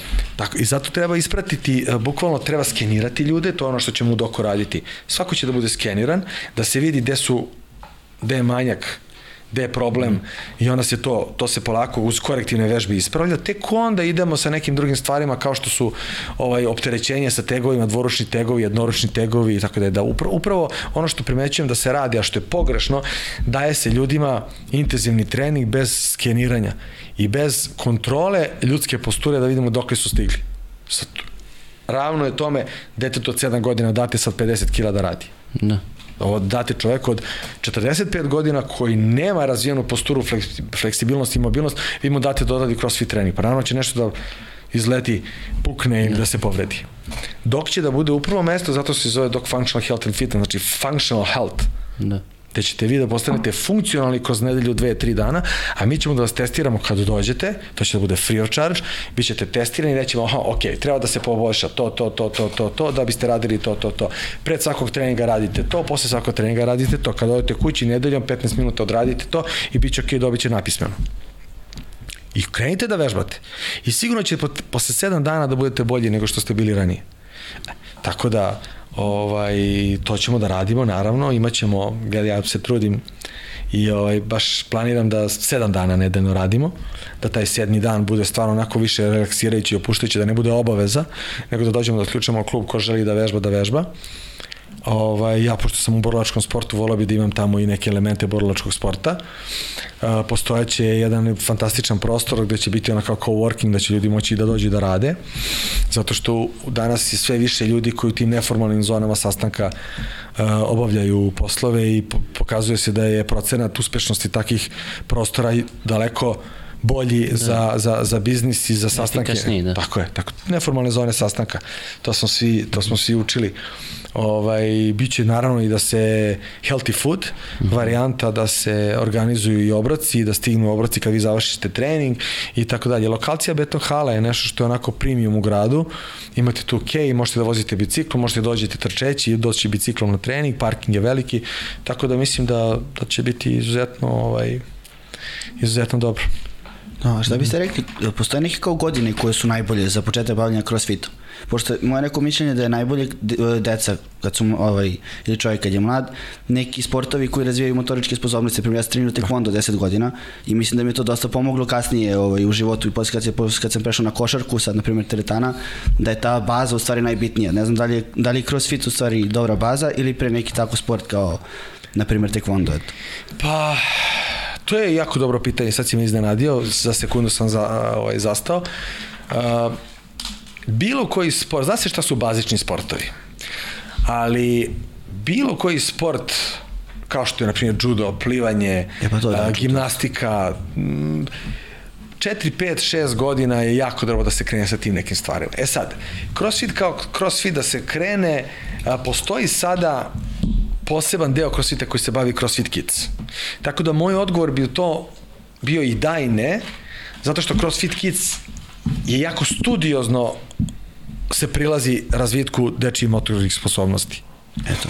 Jer ima i one vežbice kad dečija škola, to više liči na dečiju školicu, uz da, da, elemente da, poligončići kao neki tako je, to. Tako je. Ali hoću da kažem, uh, marketing crossfita je jako dobar. I vi kad dođete i negde tamo gde se radi taj crossfit kids, gde ljudi polažu ozbiljno za to da bi držali te treninge, da su licencirani, uh, dođete i jako studiozno se radi. Kao kad vi kad dođete, Bože zdrava, dođete u dok pa ćete vidjeti, ima trening, ponedjak, utra, sreda, četvrta, petak, subota. Ponedjak, utra, sreda, četvrta, petak, subota. Pa onda posle šest meseci vi vidite da nijedan trening nije isti, da se pratilo napredak. Tako isto i ovde za decu. Imate škole sporta, imate judo, imate sve, to su sve sjajni sportovi i ja bih voleo, moja deca su prošli i košarku i gimnastiku i naučili su da plivaju jako mladi i ovaj i sve sad su se odlučili za rukomet Anastasija i Vasilija za košarku koja je moje visine ima 15 godina igra u selekciji. Ja bih voleo da da se on bavi da se ona bavi borilačkim sportom upravo zato što je tako vreme da vi kad se bavite borilačkim sportom delujete drugačije na ljude. Ne sad ono što si ti rekao sad ja ću da po svakoj ceni da isteram moju misl da. i moju zamislu ne nego zato što upravo svojim stavom prema životu kroz boralačku, boralački sport, što kaže Srđan Zirović, vi izgledate potpuno drugačije u društvu nego neko ko se ne bavi boralačkim veštinom. Znači, meni nikada nije palo na pamet da se ja fizički obračunavam sa ljudima. Nikad, zato što sam uspeo retorički da se, sad ok, moja možda pojava sa 100 kg i sa tetovažama možda deluje malo drugačije, pa onda ljudi stvarno kad nešto kažem, onako malo grublje možda stvarno deluje, ne mogu da kažem da je tako, ali sigurno da te ljudi ocenjuju kad te vide pa kažu aha, ima i neki kliše, a vidi ovaj kak. Ne. A tu je razlika među sportiste i sileđe, ja bih Pa da, da, da. Ali čovjek koji se obračunava fizički je po meni neko koji je mentalno i psihološki slab. Slab, pa da. Tako da mislim da se, znači tu saobrać što je rekao jedan moj prijatelj pre neki dan, kaže, najsigurnije i najlakše da kako je rekao on, uh, rekao je da zabodeš ćuzu jeste konflikt u saobraćaju da udariš nekoga, ne bože ga povrediš ili te neko tuži, tako da jest. Dobro, brate, evo ti tam zap što si svirao, što sam ti isekao, izvini, molim te, klimni glavom i tako da. Ja to radim. Evo često izvinim, izbacim ruku, izvinim se sve to i vidite kako se ljudi odmah menjaju. Odmah, oh, ko da si ga polio hladnom vodom. To je kod nas, na primjer, kad čekate da se uključite u raskrsnicu ili neki, da. ako podigneš ruku i kao, jel da, mogu, izvini, sve da. može, da, ali ako ne pitaš, da. nećete pustiti nikad. Da, da, da, da, tako je, tako, ali da, treba nam to, ono što smo malo prepričali, trebaju nam dobre priče, trebaju nam pozitivne priče, treba, mnogo smo napaćeni. Znači sa svim ovim što da. smo slušali. Znači treba nam sve više tih nekih lepih stvari, zanimljivih stvari svakodnevno da kad ustaneš ujutru vidiš onog psa što je neko okačio kako ga nahrani, ono sav trči, ono maše repom. Malo pre sam video neki francusko buldoga okačili su ovaj e, malo, toliko, toliko me oduševilo, cijel dan mi dao pas je bio toliko uplašen neverovatno uplašen, nije smeo da pogleda i onda posle nelju dana, dve, tri, četiri, pet, šest, na kraju trči po stanu i sve super. Usvojili su ga i to franski bulldog isti komano, a ja se raspilavio. Tako da, ovaj, pa da. Da, kad smo već kod dobrih dijela i pravih stvari, pomenuo bih i naš događaj koja naša organizacija priprema prava stvar.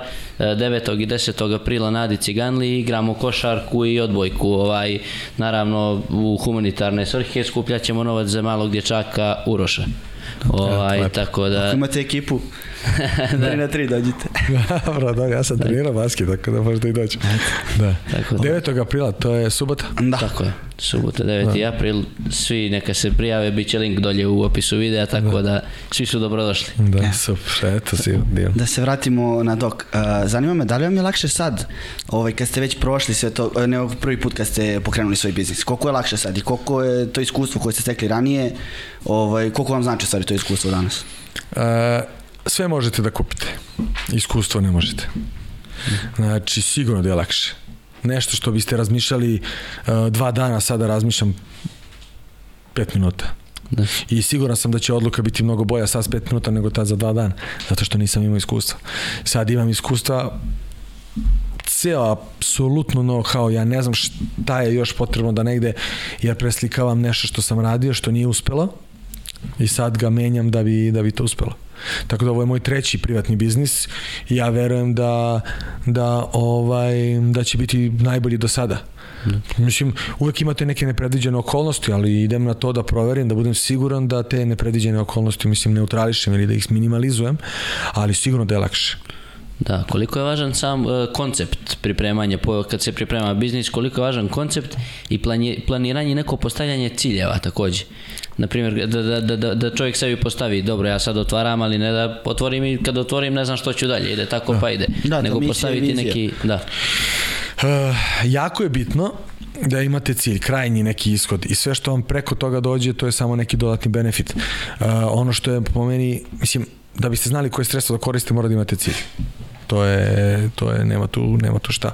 Opet kažem, ljudi koji žele da i znaju čime će da se bave, nismo svi predodređeni da budemo astronauti piloti, lekari. I ako ljudi ne znaju šta u stvari žele u životu, nego imaju nešto što, što su nas učili okruženje, da ne kažem roditelji, da me neko ne shvati pogrešno, ali sve česta pojava da roditelji žele nešto što nisu uspeli da prenesu na decu, da, da. suflirajući sa strane na razno razne načine, onda dete na kraju proba taj fakultet, skapira da nije, a nije siguran da nije, nije svestan da nije za to i na kraju bude nezadovoljan i onda sve to propadne u vodu. Ja sada mogu da vam kažem neki ljudi koji su pekari, koji mese kolače kući, pa su otvorili firme, pa su jako zadovoljni svim to i postali su brend. Znači, postali su brend, moj prijatelj pravi kolače najbolje na svetu koji nemaju šećera i ja ih pojedem i ne utiče mi na glikemički indeks, odnosno nizak je glikemički indeks i pojedete četiri kolače i osjećate se super zato što je to zdravo. Ja ću da ga pomenem, super fit. On, da, slobodno. Jedan dan ću i reću da, da, ga, da, da pošalje, ovaj, da probate, pa to je nešto neverovatno. Ovaj, tako da vi možete da budete, možete da budete majstor za mobilne telefone da ih pravite i da budete najbolji majstori, da uživate u svemu to, možda pravite kajše, možda pravite pertle, cipale, a vidite danas koliko ima tih handmade stvari na Instagramu koji se prodaju, od, vidio sam skoro jastuci za decu, za bebe, za novorođenče, to je fantastično. Ako jasno znate čime da se bavite, možda budete najsrećniji pritom da zaradite novac. I ono što smo pričali malo pre, pre jedno pola emisija, vremenski gledano, jeste da u principu ako uh, volite ono čime se bavite, to se vidi, to ne može da se fejkuje. Onda će ljudi to da osete tu energiju i to je to. Ima ona jedna baka na uglu Jurija Gagarina koja prodaje cveće. Meni je asocijacija, kad god hoću da iznenadim Ana Mariju sa cvećem, da ću dodem da tamo i da kupim. Zato što mi se urezala pamet da ona, da li je hladno, da li je toplo, ona je žena tu i prodaje cveće ok, lepo je imati cvećar u toplom, gledaš televizor i tako dalje, sve super, slušaš muziku, ona žena sedi na ulici. Ja ovaj odem tamo i kupim cveće. Možda ona ima najbolji promet u gradu, možda nema, meni to ni ne interesuje, ona radi častan posao i odem i kupim cveće. Tako da, ovaj, eto, Da. Što se mene tiče, ne može da se fejkuje. Znači, ono, ako voliš ono što radiš, ono, ja vidim i po vama, vi svi to, što, devojke što sede ovaj, iza, iza kamera i, i, i vas dvojica što radite, vi se da to, da to volite, da radite, da to neminovno ćete da uspeti. Hvala vam na lijepim Tako da, riječima pa da. i znači tu bih pomenuo koliko je to zapravo ti small businesses, vidimo da to sve, sve više i više raste, obično bih rekao da je to, to što ljudi e, pokrenu nešto iz, ne- iz ljubavi prema nečemu. Da. I onda bih rekao da je to upravo razlog uspijevanja tih poslova, zašto oni uspiju. Pa da, pa evo naj, m, znači, banalan primjer, uh, imate apartmane, na primjer, negde na planini. ne? I sad, uh, koji apartman se najbolje rentira? Ne onaj koji je najlepši nego neko ko se bavi, kad vi dođete i kad vidite kad je neko došao sliko, stavio sveže ubrano cveće, pa vidite da to nije snimak star, nego da je to upravo sad snimak, pa neko napravi snimak trenutne a, aktuelnog događaja na toj planini, pa onda vidite da je uhvatio ponovo svoj apartman, pa svako ima želju i taj apartman je bukiran non stop. Znači, meni je uvek priluko pažnju, ne najbolje opremljeni apartman mogu da platim, ali ovaj nego nešto gde vidim da taj čovjek znači neko je okačio neka vila na Tari zaboravio sam kako se zove i onda je nekako upakovao to uh, uh, gratis obrok uh, welcome ono kao pršuta sir kajmak rakija i ta kafa i to, te, i to te dočeka ja saznajem da stvarno te to dočeka pazi taj obrok košta 10-15 eura u restoranu Da. čovjek se odrekne zarade da te dočeka sa tim, znači vidi se da je uložio. Da ne znam, ubere cveće taj dan ti kad dođeš u apartman. Pa je, p- zašto ne bi dao čovjeku koji je investirao? Ja sam to iz dugogodišnjeg biznisa, ono što sam pričao malo pradići za kompaniju, ovaj, znam koliko firme su investirale da opreme svoj poslovni prostor. I sada kada idem da sklopim neki biznis, nebitno sa kim, nebitno zašto, kad vidim da je neko investirao u taj svoj showroom, biznis, ja ću uvek s njima pre da sklopim biznis. Ja sad kad, kad sam došao i ovde, kad sam video ovaj prostor, vidi se da je ovde opremljeno full sa srcem. Vidi se koliko toga ima raznoraznih stvari uh, srđan Ercega, Srđan tako da. Da, da. Koliko, je tu, koliko tu ima ljubavi u svemu ovo što on radi. Znači, vidi se, tačno možeš da napraviš profil čoveka, te kam, kam, uh, kacige za motor, pa gitara, pa Formula 1 iza mene, Ferrarijeva, pa za vožnju. Vidi se da čovjek Da.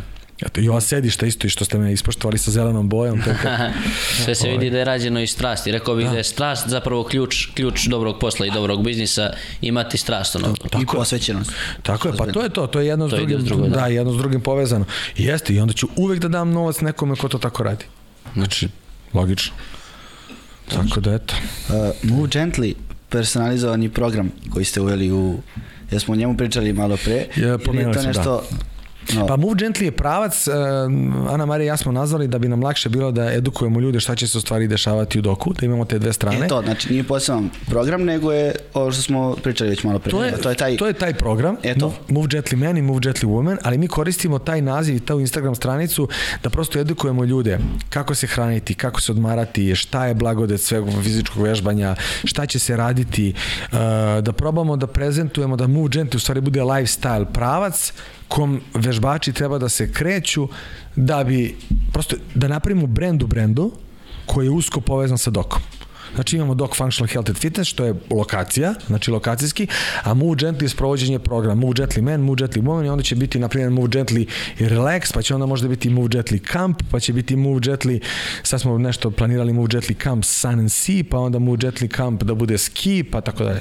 I onda da prosto ima taj prefiks Move Gently da bude prosto ima ljudima jasno da je to, to, nešto. Da. Ali to što je važno tu, što bih ja možda naglasio da vidim, jes- jesam li u pravu da, da to nije zapravo program treninga kao što je push, pull day i slično. To je, to je zapravo čitav način života, tako? Tako I je. inovativna stvar. No, Tako je, pa mislim nismo ga mi izmislili, jeste Ali trener. na ovim prostorima to mislim. Pa- Ni u Srbiji u stvari. Pa suštinski to će biti crossfit treninga, odnosno treninzi funkcionalnog fitnessa. Samo što će, da, bit će inovativno jer ćemo mi da uvedemo neke stvari koje nisu postojale do sada. A to je upravo korekcija izvođenja pokreta i zato smo stavili prefiks move. Jer uh, u crossfitu imate, na primjer, 21, 15, 9, to je broj ponavljanja tri vežbe naprimjer triplet da stavimo, neka je čučanj, trbušnjak i push-up. I sad uradite od svega po 21, od svega po 15, od svega po 9. Sad nebitno što je taj čučanj od početka do kraja izvođenja pokreta zaključan, znači imate full range of motion, ali je nepravilno izveden. Da li nepravilno dišete, da li ste krivudavi, da li ste ovakvi, da li ste onaki postura loša i tako dalje. Mi želimo da to isključimo i zato treba da se move gently sprovede na taj način 21 15 9 za što kraće vreme, ali da pokreti tela budu pravilno. Znači izvođenje vežbi da bude pravilno. I zato smo ga nazvali move gently. Znači nežno izvođenje pokreta, ali suštinski vremeno kako vi usavršite taj pokret, on će ići sve brže i brže i krajnji rezultat će biti ulazak u formu bez povrede. Tako da, nadam se da sam pojasnio. Jeste, vrlo. to je Da. važno bilo onako razgraničiti, rekao i zbog slušalca i zbog vas samih, Jeste. tako da, To. da svi koji A slušaju može dok se dođe ovako se trenira nezavisno od, ovaj, od programa ili je to isključivo kroz program? Postojaće, a, pošto je lokacijski onako jako dobro, ja očekujem tu veliki broj I stranaca. to da, isto, izvinite što vas pre... Koliko je bitna lokacija u, u svemu pokretanju biznisa i svemu tome? Zavisi čime se bavite, ako na primjer radite neku proizvodnju i nije toliko bitno, verujem, Da. Ovaj, a ako imate nešto da prodajete neku uslugu koja je na svakodnevnoj e, bazi, odnosno na svakodnevnom, onda u principu jako vam je bitna lokacija. Odnosno treba da odaberete target. Naprimjer sad, ako ja pozna, pozicioniram ovde, onda tako ću da vidim u 2 km u kom mi se nalazi, šta mi se nalazi, šta ću da atakujem i koje, i koje ljude želim da ono, privučem. Tako da lokacija je jako bitna. Ja mislim da smo mi uboli premium sa ovom lokacijom zbog svega ono što smo malo pre napomenuli, tako da Beton Hala će jako da bude ovaj, onako dobra, dobra pozicija. A da će biti slobodnog vežbanja, bit će u jednom određenom doba dana, jer upravo mi želimo da budemo klub koji će da da uslugu, a ne samo prostor. Znači nećemo da damo proizvod kao prostor, e sad platite vi pa možete da vežbate, nego upravo da vam damo sve ono što mi znamo i što napređujemo svakodnevno. Ja sam sad završio jednu akademiju, sad idem ponovo na akademiju koja jako skupo košta i, ovaj, i opet idem da usavršim ovaj, svo to neko moje znanje i konstantno se edukujem i u kontaktu sam sa nekim strancima koji su onako na jednom visokom nivou. Ja sam se pre neki put, pre, pre neki dan iznenadio kad mi je čovjek koji ima milion i sto hiljada followera poslao poruku. I ja rekao sam, uf, znači koji je to algoritam, sad šta se tu dešava? Da, da. Znači Andri Huberman, možda ljudi znaju, on ima svoj podcast jako dobar. Čovjek mi je poslao poruku, ja sam rekao želim da vas dovedem u Srbiju samo u jednom momentu da gostujete u klubu. Tako da to je to je to je jako jako dobra stvar. Tako da ovaj da lokacija da i biće slobodno vežbanje u jednom određenom periodu, to je nekoliko par sati kao open box slobodno vežbanje. Da, ali to, to, to što ste rekli sa tim, na primjer, eh, Huberman, jel tako što vam je poslao poruku, to sigurno i vama puno znači na tom nivou da ste nešto zapravo postigli, da se, da, da, da se primjećuju ti vaši rezultati ovaj, na poslovnom polju, na personalnom, jel tako, kad, kad ste tako, da biti primijećen zapravo. Jeste, meni je iskreno da vam kažem iznenađujuće, on ima čovjek toliko followera, ja sam nešto postao, njegov sam tagovao i on je lajkovao i onda mi je uzvratio poruku i iskreno iznenađen sam. Da. Eto. Bez da. lažne skromnosti baš sam iznenađen. Ali mislim pozitivno.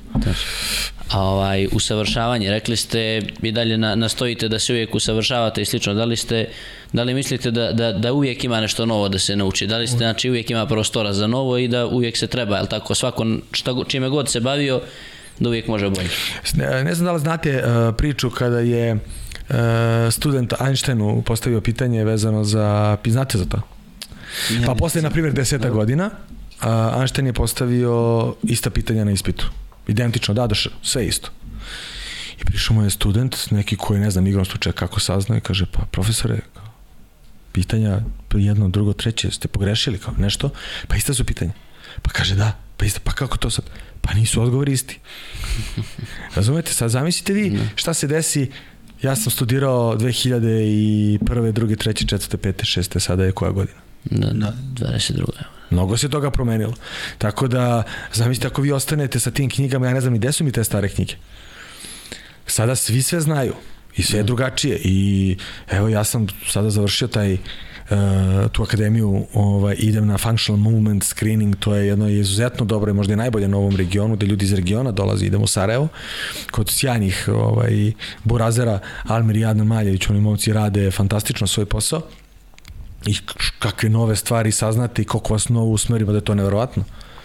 Znači, evo, pa pazite sad ovo, za, pe, za pet godina ćemo svi da stavimo naočare na, na, na oči, sad vi ste u San Francisku, ja sam u Beogradu i mi ćemo stavimo na oči, pričamo, poručit ćemo hranu, jedemo i kao da smo u istoj prostoriji i pravimo sastanak. Da ne pričam što sada možete pozovete koga god hoćete, tamo u Indiji pričate kao da je u sobi, a juče niste mogli sa Kragujevca da pričate normalno. Da. Tako da sve, sve se menja.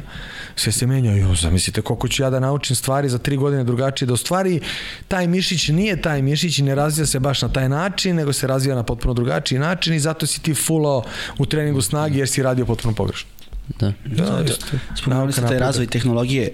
Uh, koliko mislite da on šteti, na primjer, uh, to koliko smanjuje broj dece koje se bave sportom? Pošto ja sad ja nešto, mislim, ja sad nešto mnogo mator, ali gledam, mi kad smo bili klinci, odnosno deca, pogledamo ulicu, mi smo pa svaki dan vozili Da. bicikl, igrali futbal, košarku, trčali, to, bili smo napolju po ceo dan i uspeli da ručamo uopšte, a danas deca to je što telefon, te naučare, Da. nekako, kako zainteresovati, na primjer, decu evo i omladinu, neki savjet za studente, pošto dosta njih ima koji sede po ceo dan, nebitno uče, izlaze, vodi se, generalno se vodi uh, nezdrav način života. Neki savjet za njih i kako ih zainteresovati da se pokrenu. Da. E, kao roditelj i neko ko ima 41 godinu, ovaj, mogu slobodno da kažem da je greška roditelja koji svoji deci brane e, nove tehnologije. I često čujem tu, tu taj stav i joj, po ceo dan na kompjuteru i tako dalje. Ne. E, danas je jako teško roditeljima u toj svojoj brzini da se bave svojom decom. Ako vi odvedete svoje dete na trening, pa trenirate zajedno s njim, pa vozite biciklu zajedno s njim, ja vam garantujem da to dete tad neće držati telefon. Znači, dete ima interakciju sa tehnologijom, sa telefonom. Da nije ni svesno, ima interakciju, ni ispušta, zato što taj telefon mu nešto daje, neku zabavu. Kad bi roditelj svom detetu dao takvu zabavu, dete bi zaboravilo na telefon. Evo ja to primećujem iz mog iskustva kad radim sa mojom decom. Ok, sednu oni u kola, uzmu telefon i se ja kažem, ajmo sada telefone svi ovde, oni mi daju telefon, ne dirnu ga do momenta dok ih ne odvezem kući. Tako to je dva sata, to je tri sata, šetamo psa, igramo se, gledamo film u bioskopu, tako da niko ne gleda, je tako? Znači kad dovedete dece u bioskop, oni ne gledaju u telefon, gledaju u bioskop, gledaju u televizor, zato što im je zanimljivo. Kad slušaju šta im pričate, jeste čuli skoro da je neki roditelj čitao knjigu nekom detetu? Kad bi se vratili malo korak unazad, 2, 3, 5, zamislite da evo ja sad idem da kupim šator i veliki šator da odvedem na gradac decu, da budemo za vikend, čim se otopli vreme, da spavaju u šatoru, Šatoru. pored reke i to da vidim šta će da se desi. Zapalite vatru i deca sede pored vatre, toliko pozitivne energije se napoje i legnu da spavaju i kad se probude sutra, ja pričat će o tome narednih ho, ho, ho, šest meseci. E sad, nemoj da diraš telefon, idi napolje, pa mislim, to je lako reći, ali sad treba da se pozabavite malo sa decom da bi oni prosto to poslušali, da bi to radili. Tako da, nove tehnologije, da, to je neminovnost. Danas ako niste edukovani za laptop, pet, tablet, kompjuter, telefon i to sve, onda ste ono, gubite korak sa, sa vremenom i sa biznisom i sa svim, ali da, treba da se vratimo prirodi treba da se okrenemo tim nekim stvarima i socijalno. Pa evo ti, uh, ja sam uveo pravilo da kad s prijateljima izađem da stavimo telefone svi ovako, pogasimo zvuči ko se prvi hvate taj plaća celu turu. Mislim, nisam to ja izmislio, to su ljudi uradili i tu i tamo se držimo i onda kad neko kaže izvinite samo, čak i to cool, kad neko kaže izvinite mogu samo da pošaljem u nekom vozu, uzme pošalje, vrati telefon, spako, bolje nego non stop da ga izvlači i da ga stavi. Probajte, fora je super, znači eto, i onda ćemo da imamo interakciju, a ne ono kad sedete u kafić vidite tamo neko sedi s devojkom i čačka telefon. Da, njih četvoro svi jedni, cap, cap, cap, ko da su kući, mogli se. Pa da, pa da. Znači, da, pojem te, te priče nije samo, znači nije to od toga da se polazi od djece, nego da se polazi od roditelja, da su oni ti koji zapravo da pruže tu zabavu djetetu koja mu pruža iPad evo, ili nešto ta, te vrste, Da. oni ne bi bili Pa pri... nije detetu sreća kupiti iPad, ja sam ovima kupio i telefone i iPad i to sve. Mislim, mogu da priuštim pa sam i kupio i znam da su zadovoljni, ali poenta jeste upravo ovo. Znači da deti, detetu se da interakcija, da budemo mi roditelji njima zabavni, da zašto bi komunicirali s nama ako im nismo zabavni. Pa zašto bi ja komunicirao s mojim roditeljima ako mi nisu zabavni? A na primjer, pošto kad smo već kod tehnologije, sad to malo sa ovom fitness biznis stranom da povežemo, da li biste rekli da je to nešto što doprinosi ili što, što zapravo otežava posao, jer na primjer znamo sad ovaj fitness pal, ili tako te neke aplikacije koje zapravo predstavljaju se kao bukvalno personalni treneri, da onako Da. uz njih treniraš, da platiš online, da da li biste rekli da je to... Definitivno smo mi u tim novim stvarima. A, ali ja mislim da taj neki live touch i taj neki kontakt sa personom ispred sebe, da još uvek ne može kompjuter toliko dobro da vas analizira kao što može da vas analizira čovjek. I iskustvo na osnovu ovaj, da vi ipak odlučite da ćete da stanete na vagu i da ukucate podataka. Kad se s trenerom, on kaže ajde ti mali stani na vagu da vidim da smo trenirali, kako smo trenirali. I nemate tu toplinu sa aplikacijom kada vam kaže 3, 2, 1, kreni. Ili kad kažete trenera 3, 2, 1, uh, čekaj, stani, veži pertl. Znaš, tako da kontakt sa čovjekom, ali miks te dve stvari mislim da je jako dobra stvar. Eto. U stvari, u suština u životu jeste da balansiraš.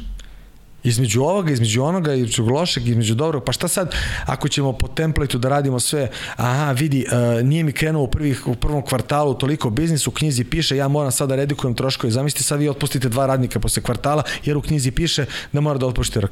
Pa verujem da neće niko, nego će kaže, čekaj stani, ajde da smanjim bar plate, neću da otpuštam, smanjim plate, pa ovo pono. Po meni je to, tu je, tu je onaj uspeh, odnosno taj mali moment uh, sposobnosti da napravite da biznis uspe ili ne, a taj osjećaj te fleksibilnosti. I naravno, ono što ću da kažem, ovaj, e, jako bitna stvar jeste da znate da samo 5% ljudi na svetu uradi 100% posla kojim se bave. Samo 5%. Samo 5%. Da. Znači, statistika pokazuje da samo 5% ljudi uradi 100% posla koji se bave. Znači, evo vi, vi ste uradili po meni 100%. Uh, Emilija mi je poslala detaljno šta će da bude, kako će da bude datum, kad je rekla da će da pošalje, poslala je datum, rekla mi je, a, pošto je previdela da je malo nezgodno da se popne ovde, ako ti nije jasno, pošalji pozovi me, tako da vi ste odradili super, opustili ste me pred uh, test, počeli smo malo da pričamo, spostavili smo kontakt, našalili smo se, dostigla je voda. Znači, sve ste odradili što treba i to je to. Sad idemo da nestane struje, ali to nije do vas. Da. Tako da, samo 5% ljudi obavi i to treba da zvoni svima, aha, da li sam uradio sve?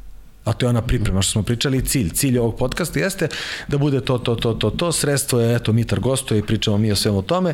Da smo radili to, to, to, jesmo, evo 5%, u super, svi smo radili sve, aj čao. Da.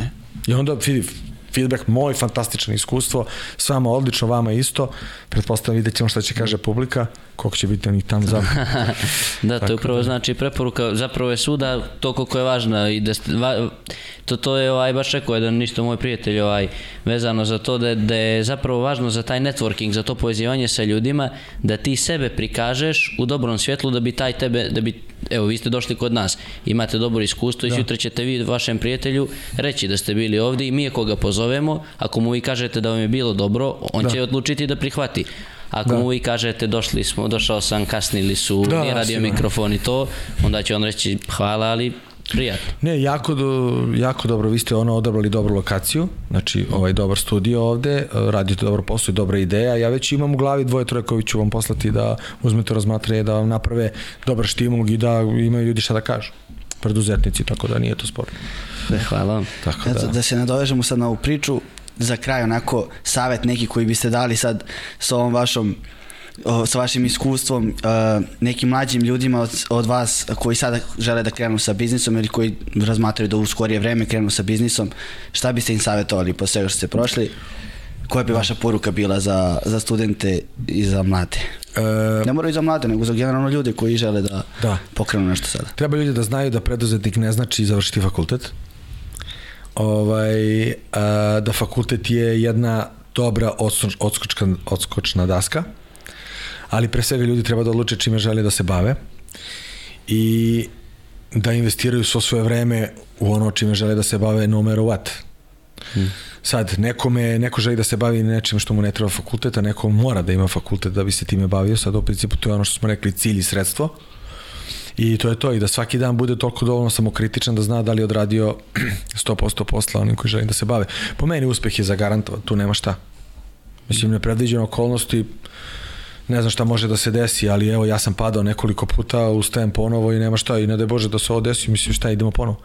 Da. Znači, možda opet samo možda ću opet uraditi nešto što ne valja, ali se trudim da ne uradim, da, da, da ne ponovim grešku, pa ćemo da vidimo, tako da vidjet ćemo, možda sam predodređen da budem pekar, a ne trener, ali ćemo da vidimo kad istrošimo sve resurse. Da. Tako da to je moj savjet, obavite 100% posla kojim se bavite, imajte jasno definisani cilj, okružite se pozitivnim dobrim ljudima koji su bolji u vas, Znači, ako u prostoriji ste najpametniji, onda promenite ovaj, prostoriju. Tako da po meni je to jedna jako dobra, do, do, dobra stvar koju treba da se... I ako imate tim ljudi koji ste konstantno suportivi ono, i da vas guraju napred, to je, to je super. Sueta je jako veliki problem danas, ali je, već je toliko vidljiva, tako da to probajte odmah da sasečete i to je to. Da. Tako da eto.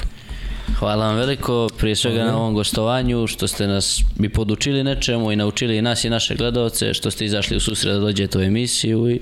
Meni isto drago.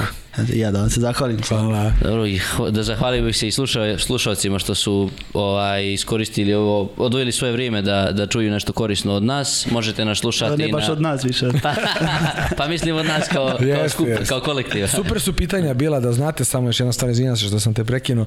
Ovo, jako je bitno o samo kvalitetu podcasta i bilo čega jeste i sagovornik. Vi ste sjajni sagovornici, tako da koliko god neko ima šta da kaže, ako se ne postavljaju pitanja na pravu u adresu, odnosno na, u pravo vreme i na pravi način, onda to i ne bude baš tako.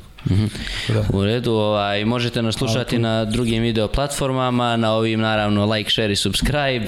Ovaj, također smo i na Deezeru, Spotifyu, podcast RS-u i to bi bilo to. Hvala vam veliko i slušamo se u trećoj epizodi. Da, pozdrav.